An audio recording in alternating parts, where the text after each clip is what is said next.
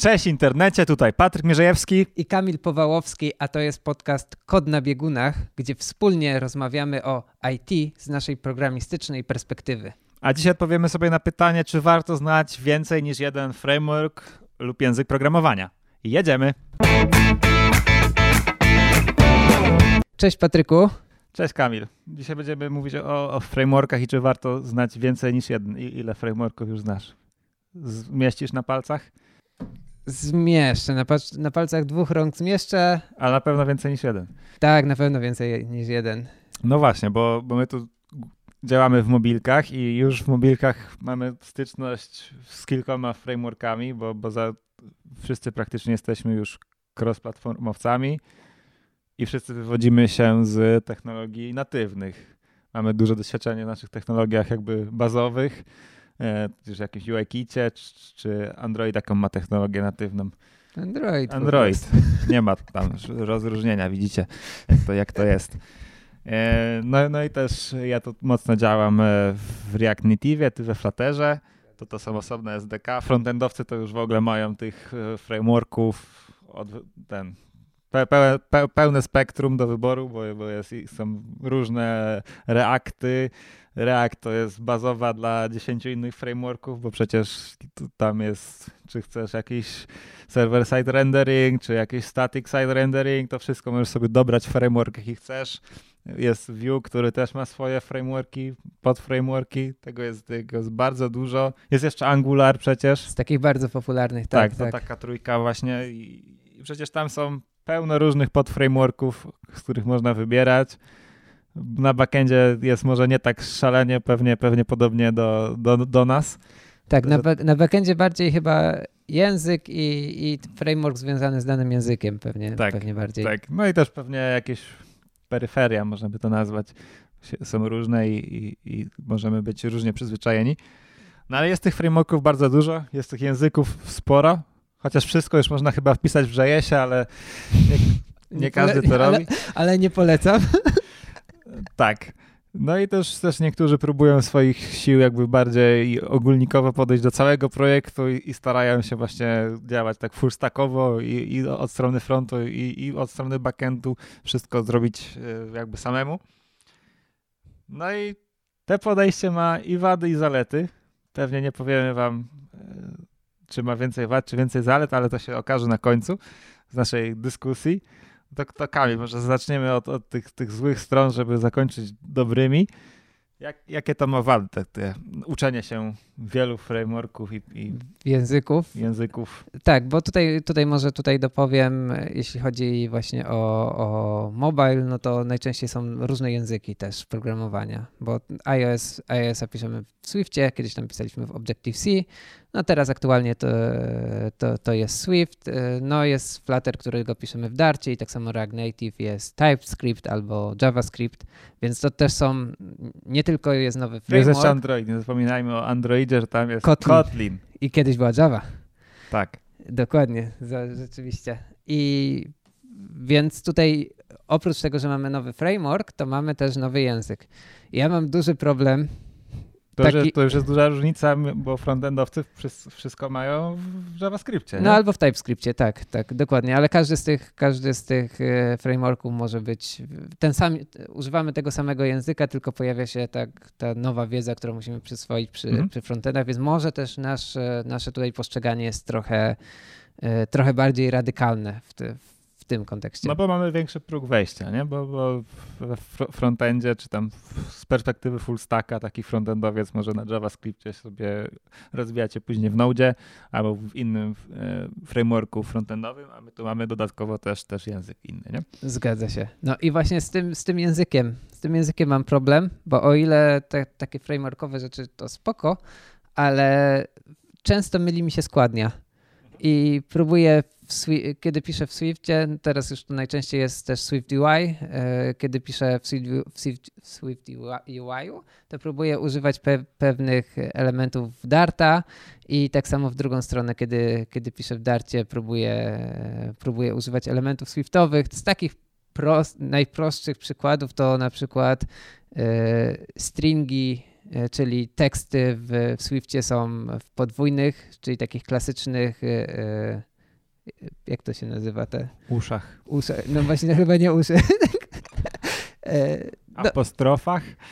no w każdym razie te po, po, po, po, podwójne, podwójne uszy, a w, a w darcie używamy pojedynczych. Bardzo często mi się zdarza, że po prostu już odruchowo, odruchowo wybiorę to, te, te złe. No to jeszcze nie jest najgorszy przykład, bo tutaj najczęściej od razu kompilator tutaj krzyknie na mnie. Hej, co ty robisz, głupi? No, myślę, że gorzej jest, jak brakuje jakichś metod, do których jesteś przyzwyczajony tak, na, próbujesz, na danym typie. próbujesz na przykład y, coś, coś wyciągnąć, naciskasz i wpisujesz pierwsze litery tego i nagle ci nie podpowiada i ty się zastanawiasz, czy tutaj zrobiłeś typo, czy literówkę zrobiłeś, czy może po prostu... Mhm. A tutaj różnice są, są bardzo duże, nie? W różnych językach.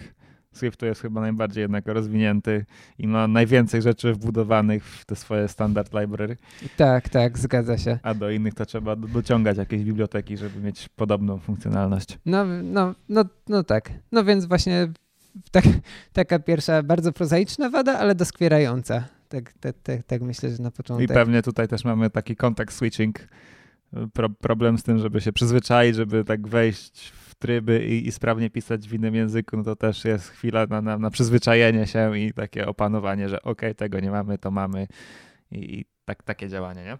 Tak. No to masz, dajesz kolejną. Deszko, no to ja może pociągnę da, językowo dalej, bo trochę się to później sprowadza, jeżeli już znamy te dwa, trzy języki w danym stacku frontendowym na przykład, e, no to zaczyna się to trochę raz, raz, że właśnie mieszać, tak jak wspomin- wspominałeś, ale trochę inaczej myślę zaczynamy pisać i zaczynamy pisać bardziej jakby ogólnikowo, korzystając ze, ze znanych struktur, które są w każdym z tych języków i nie zawsze wchodzimy w technikalia, tudzież jakieś rzeczy specyficzne dla danego języka, pomimo że moglibyśmy. I to raczej wynika właśnie trochę z wygody i, i z faktu, że nie chcemy w to wchodzić i, i się zagłębiać, jak tu możemy rozwinąć naszego super swiftowego enuma, bo po prostu w innych językach tego nie ma i, i tego nie robimy, bo, bo nasze capacity mózgowe nie jest przystosowane, żeby tutaj myśleć specjalnie o tym, o, o jakby opcjach językowych, tylko skupiamy się na, na taskach i, i rozwiązujemy problem, a, a, nie, a nie e, jakby jedziemy tutaj z technikaliami językowymi. Tak, to- to, też może być w sumie tak naprawdę zaleta, ale to o tym później. Ale ja bym tutaj chciał dopowiedzieć, że to ja mam też, też czasem w drugą stronę, że ten Swiftowy enum, czyli do, taka struktura do wyliczania elementów, jest tak fajny i tak rozbudowany, że brakuje mi tych części rzeczy w darcie i próbuję je obchodzić jakimiś różnymi metodami. W tą stronę bardziej idę, że próbuję wcisnąć tego, tego Swiftowego enuma do, do darta, żeby on tam był i i żeby dawał mi tą wartość, którą, którą dos- mogę z niego osiągnąć. Jasne. Następnym takim dużym chyba działem problemowym w, w nauce wielu frameworków to są problemy czasowe, nie? Bo po pierwsze nie można być ekspertem we wszystkim, to, za, to zajmuje czas, tak jak jest ta teoretyczna zasada 10 tysięcy godzin, no to, to można sobie mnożyć, żeby być ekspertem we wszystkim, to trzeba to multiplikować. Jak mamy projekt full-time'owo, no to wiadomo, że te pozostałe technologie, żeby być na bieżąco i sprawnie się w tym e, poruszać, to musimy poświęcać jakiś dodatkowy czas e, po godzinach pracy. No i jest przede wszystkim dwa razy albo trzy razy, albo dowolnie ilość razy więcej wiedzy, którą musimy przeswoić, żeby te wszystkie frameworki dobrze poznać, nie? Tak, tak. E, Rzeczywiście e, i, i w sumie tutaj ważne jest to, że, bo nawet jeśli poznamy go, Mhm. to ważne jest to, żeby to go, go używać, bo to się, nie wiem, przynajmniej ja tak mam, że to się bardzo szybko tak naprawdę zapomina. Jeśli się nie ćwiczy tego, nie, nie rozwija, nie, nie praktykuje tego na co dzień, to, to bardzo szybko ta wiedza ulatuje. No ona pewnie robi miejsce w głowie na to, co używamy na co dzień, tego, co, co bardziej potrzebujemy. Więc Dokładnie. Rzeczywiście tutaj e, poważna wada e, takiego podejścia. No później zawsze można szybko wracać do dokumentacji i to jednak to, to, to możemy do tego wrócić w miarę sprawnie. To nie jest znowu nauka od zera, prawda, nie? Ale, ale tak jak mówisz, to, to jest jakbyś overhead, e, który musimy tutaj wziąć pod uwagę. I myślę, że taką chyba najważniejszą wadą takiego podejścia, jeżeli się w niczym nie specjalizujemy, tylko uczymy się takich nowych frameworków, nowych frameworków, jest, jest to, że że żadnego z tych frameworków nie znamy na jakimś poziomie eksperckim, a jest to porzekadło, że jak, jak coś jest do wszystkiego, to jest do niczego. No i, i wtedy mamy podobną sytuację z tymi frameworkami, że co kogo interesuje, że umiemy sobie napisać, nie wiem, jakiegoś przysłowiowego JSON parsera w każdym języku, jakąś prostą aplikację, która robi proste rzeczy. No skoro każdy to może napisać i, i kogo to interesuje, że my to możemy zrobić w 10 technologiach. Czyli potrzebna jest ta, ta, ta specjalizacja, żeby później się wbić na, na, na ten wyższy poziom, taki jakby. Tak, tak. Może, możemy właśnie wpaść w tą pułapkę, że, że nikt nie będzie jakby wyceniał tej, tej naszej wiedzy odpowiednio, pomimo że znamy te technologie, bo nie będziemy specjalistami jednak w żadnej. Nie? I to jest, to jest duży problem, który, który możemy napotkać na w drodze naszej kariery. I co, co jeszcze tutaj, jeszcze dodatkowo mamy ten problem, że to za, za, może zająć dużo czasu, nie? Jak mamy taki dostaniemy jakiś zaawansowany e, problem, na przykład frontendowy, nie wiem, by to miało być jakieś, jakieś nie wiem, operacje. Nie, załóżmy, że nie ma biblioteki do jakiegoś operacji na wideo i, musimy to napisać. No to znając tylko pobieżnie X technologii, a nie będąc ekspertem e, w jednej, to ogarnięcie tego problemu może nam zająć dużo więcej czasu niż jakbyśmy siedzieli nie, całe życie w tym, w tym iOSie, UI-kicie i tam wszystkich Apple'owych frameworkach, to by nam było dużo prościej ogarnąć ten problem i go rozwiązać dużo szybciej, niż będąc w takiej sytuacji, że znamy pobieżnie x tych frameworków, tak. a w żadnym nie osiągnęliśmy super jakby poziomu eksperta, nie? To prawda, to prawda, ale to na razie stwierdzam mniej więcej w połowie gdzieś jesteśmy, że na razie brzmi to brzmi to czarno to widzę, ale przejdziemy do przejdziemy do do zalet. Tak, jest jeszcze jasna strona tego wszystkiego. Więc e, no, no, właśnie. No Jaka właśnie. jest druga strona medalu? Um, Może znowu od języka zacznijmy. Od języka? Co, co ci daje, co, co ci dało o. to, że się nauczyłeś tylu języków i jak to wpływa na twoje kodowanie? O, to jest to, to rzeczywiście, rzeczywiście tutaj przez moment miałem zaćmienie umysłu, ale rzeczywiście tutaj jest, to jest fajny punkt, bo y, ja tak trochę jak zapytałeś, ile znam tych frameworków, to ja się zacząłem zastanawiać, czy tutaj wyliczać te, które gdzieś tam zrobiłem jakiś kurs plus jakiś jeden projekt wykonałem na nich, czy ich nie wyliczać, ale rzeczywiście nawet... E, nawet... Na studiach to byś mógł napisać 9 na 10 w CVC, ale znasz. Tak, tak, dokładnie. Ale myślę, że tutaj e, nawet, nawet jeśli nie, nie będę się chwalił, że, że je znam, to one dużo mi dały, bo wyciągnąłem pewne rzeczy z nich, i mhm. za, udało mi się na przykład zaaplikować do, e, do innych języków, które używam. Takim bardzo fajnym przykładem, który wszędzie gdzieś tam się pojawia, to jest Redux, który jest e, mm, sposobem na zapisywanie stanu i on się wy, wywodzi z frameworków e, webowych, ale a na mobilu on się gdzieś tam jakby pojawiał, ale nigdy, nigdy nie zdobył dużej popularności. Mhm.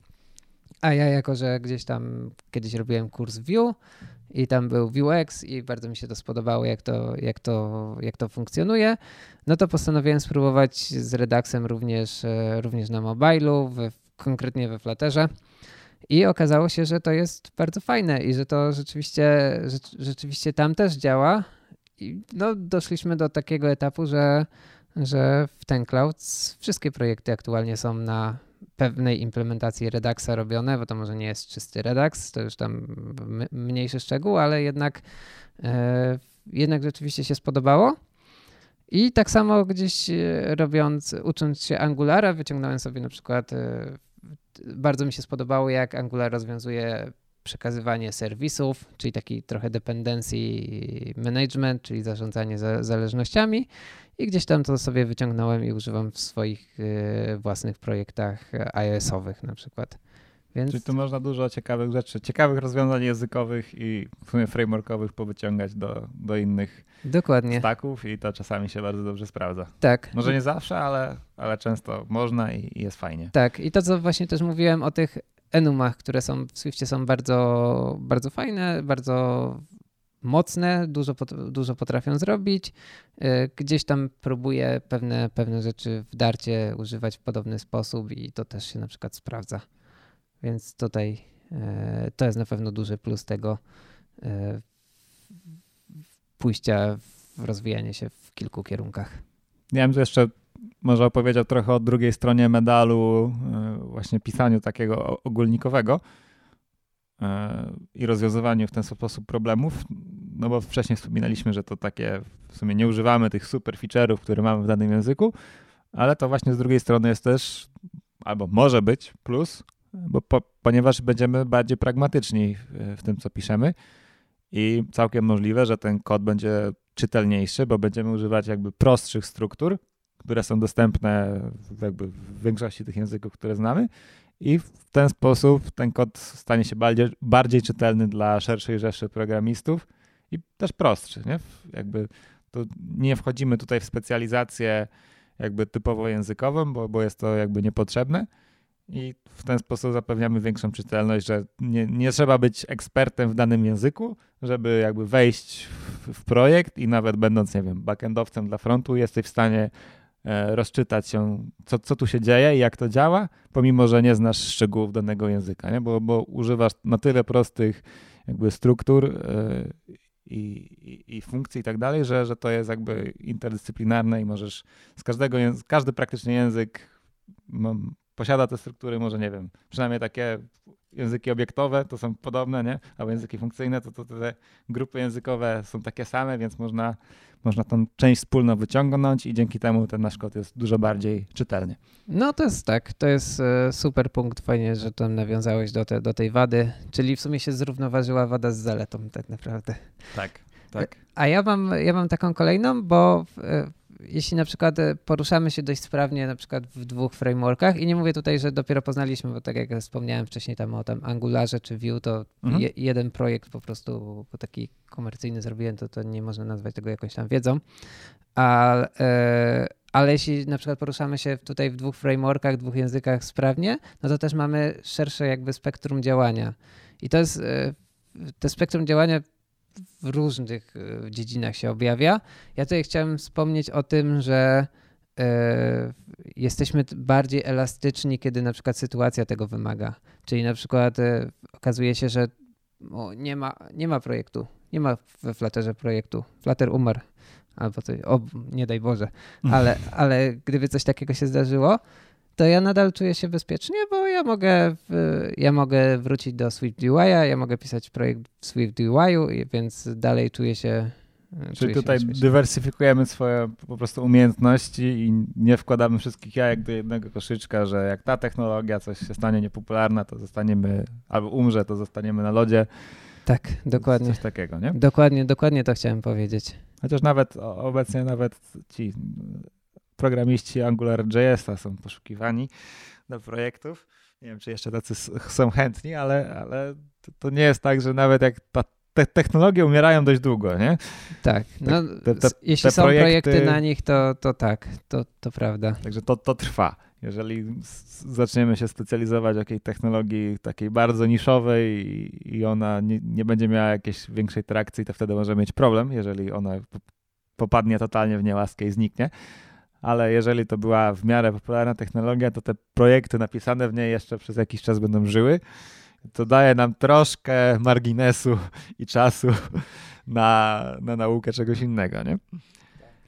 I może, może ciągnąc ten temat wielu, wielu jeszcze frameworków, to myślę, że ważne jest tutaj, właśnie mówiłeś o poszerzaniu naszych, naszych horyzontów wiedzy, że my tu jak wspominaliśmy, jesteśmy trochę od rozwiązywania problemów bardziej niż od kodowania i mając właśnie, znając więcej frameworków, więcej języków, jesteśmy w stanie trochę inaczej podchodzić do tematu i skupić się jakby na, na rozwiązaniu problemu jako takiego, a nie patrzeniu na rozwiązanie problemu przez pryzmat technologii. Nie, że, że, że musimy tutaj znaleźć takie rzeczy w tym języku, które nam pozwolą rozwiązać ten problem, zamiast hej, musimy rozwiązać ten problem, a jaką technologię do tego użyję, to już sobie dobierzemy e, na, na innej podstawie, nie? Na podstawie tych potrzeb jakby biznesowych i potrzeb problemu, który rozwiązujemy. Także to jest jakby super, super korzyść z tego jakby posiadania wiedzy z różnych dziedzin i frameworków. Tak. No taka... I to, to też właśnie może, może dziedzin, nie? Bo bo nie musimy się ograniczać tutaj do jakby konkretnego stacku, czy, czy to frontendowego, czy backendowego, no bo też e, du dużo ludzi próbuje swoich sił w obu tych stackach, staje się takimi właśnie full stackami. zazwyczaj to jest jakby specjalizacja w jednym z tych właśnie, ale, ale ludzie potrafią właśnie robić rzeczy dość sprawnie e, i na froncie, i na backendzie.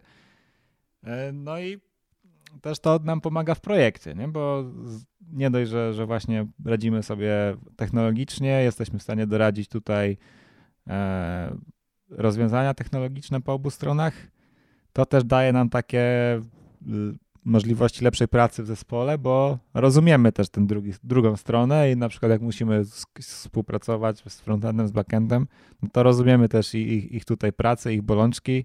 Nie jest to taka w ciemno, że ty musisz zrobić to, ja później zrobię to, tylko jakby jest większa nić porozumienia, większe zrozumienie, od czego rzeczy zależą. No i to usprawnia całą pracę jakby nad projektem. No tak. Tutaj w sumie niewiele mam do dodania. E, tutaj się całkowicie, całkowicie zgadzam. To też właśnie wspominaliśmy w odcinku, gdy mówiliśmy o estymacjach, mhm. że, e, że właśnie trzeba się wczuć to, w tą drugą rolę. Taka osoba, jeśli jest full stackiem, e, ma doświadczenie z wielu chleb jadła, ale z wielu pieców chleb jadła, tak? Tak, tak się mówi. Tak, to, to dużo łatwiej takiej osobie jest to. No i ona często wtedy przewodzi, tak, przybiera też taką rolę takiego tech leada w takim projekcie, więc no tutaj tak może być. ścieżka kariery również dodatkowa tak. się pojawia. Chyba przeszliśmy przez wszystkie nasze plusy. Chyba tak. No, i, Kamil, no i... odpowiedz na to pytanie. Jak to jest z twojej perspektywy? Ja mam zacząć, tak? Ja w sumie, ja w sumie nie wiem. Dla mnie to jest, e, zastanawiałem się trochę nad tym i e, ja się szyb, szybko nudzę jedną technologią, więc dla mnie tutaj, o może to jest jakiś w sumie też dodatkowy plus, ale dla mnie fajne jest to, że ja się mogę przełączyć e, pracy piszę sobie we Flutterze, przechodzę do domu, przełączam się na SwiftUI i piszę w SwiftUI.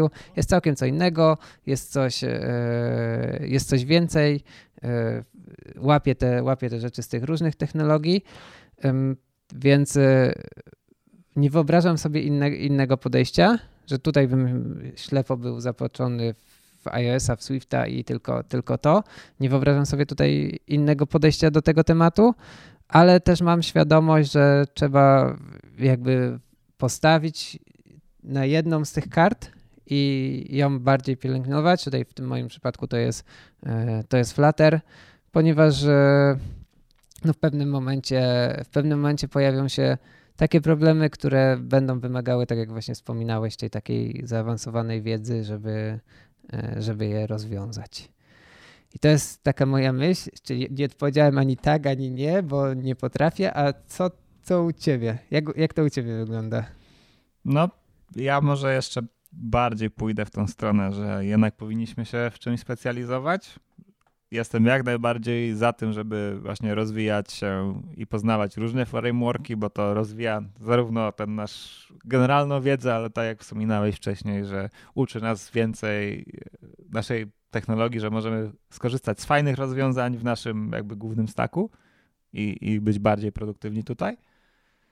No, ale, ale musimy mieć tutaj tą, tą specjalizację, bo ponieważ tylko tak jesteśmy w stanie sensownie podnosić nasz, naszą wartość, no i też zdobywać coraz ciekawsze projekty, bo zazwyczaj jeżeli pozna, poznajemy nowy framework, no to zaczynamy od tych samych podstaw, od właśnie jakichś prostych aplikacji, prostych problemów, jak rozwiązać właśnie te takie rzeczy, które, które znamy i które są już powtarzalne, nie? A jeżeli będziemy się specjalizować coraz bardziej i bardziej w tym jednym staku, no to ten zakres problemów, które by, z którymi będziemy się stykać, będzie różny i to też może nas właśnie bardziej rozwijać tutaj, że będziemy stykać się z coraz to nowymi problemami, coraz trudniejszymi, coraz większymi wyznania, e, wyzwaniami.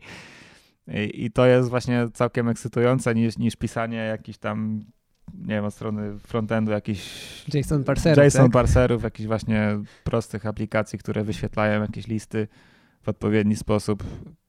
Bo to też się może, mimo że, że korzystamy z nowej technologii, to piszemy to samo i to też może się właśnie trochę znudzić, nie? Tak. I, i możemy szukać właśnie jakichś trochę innych, innych problemów, innych wyzwań e, gdzie indziej. No tak. i super, no i super. A, no dobra, to teraz zadam pytanie tutaj naszym słuchaczom i, i widzom. A jak jest u was? Czy, czy znacie dwa, dwa frameworki, więcej, więcej niż jeden framework? Czy używacie ich e, komercyjnie obu? czy może jednak skupiacie się tylko na jednym i uważacie, że tutaj nasze, e, nasze podejście, może, może bardziej moje podejście, bo Patryk tutaj e, trochę inną perspektywę miał, może te, czy to moje podejście jest e, dziwne. Podzielcie się z nami swoimi komentarzami na YouTubie, podzielcie się z nami nimi w social mediach, na portalach społecznościowych. Zapraszamy Was do lajkowania, szerowania. To, I subskrybowania. I jeszcze na YouTube jest dzwoneczek. Tak. Co tydzień może się dostać notyfikacje. I komentarze na Apple Podcast. Tak. Bo tylko tam sprawdzamy, co się dzieje. To jest najważniejsza platforma, Kamil. tak. Dobrze, gdzie cię można, Kamilu, znaleźć? Ja jestem na Twitterze jako Kamil Powalowski, a ty? A ja pod Małpka Mierzejowy. I to wszystko na dziś. Trzymajcie się ciepło. Dziękujemy, do zobaczenia. Hej, cześć. cześć.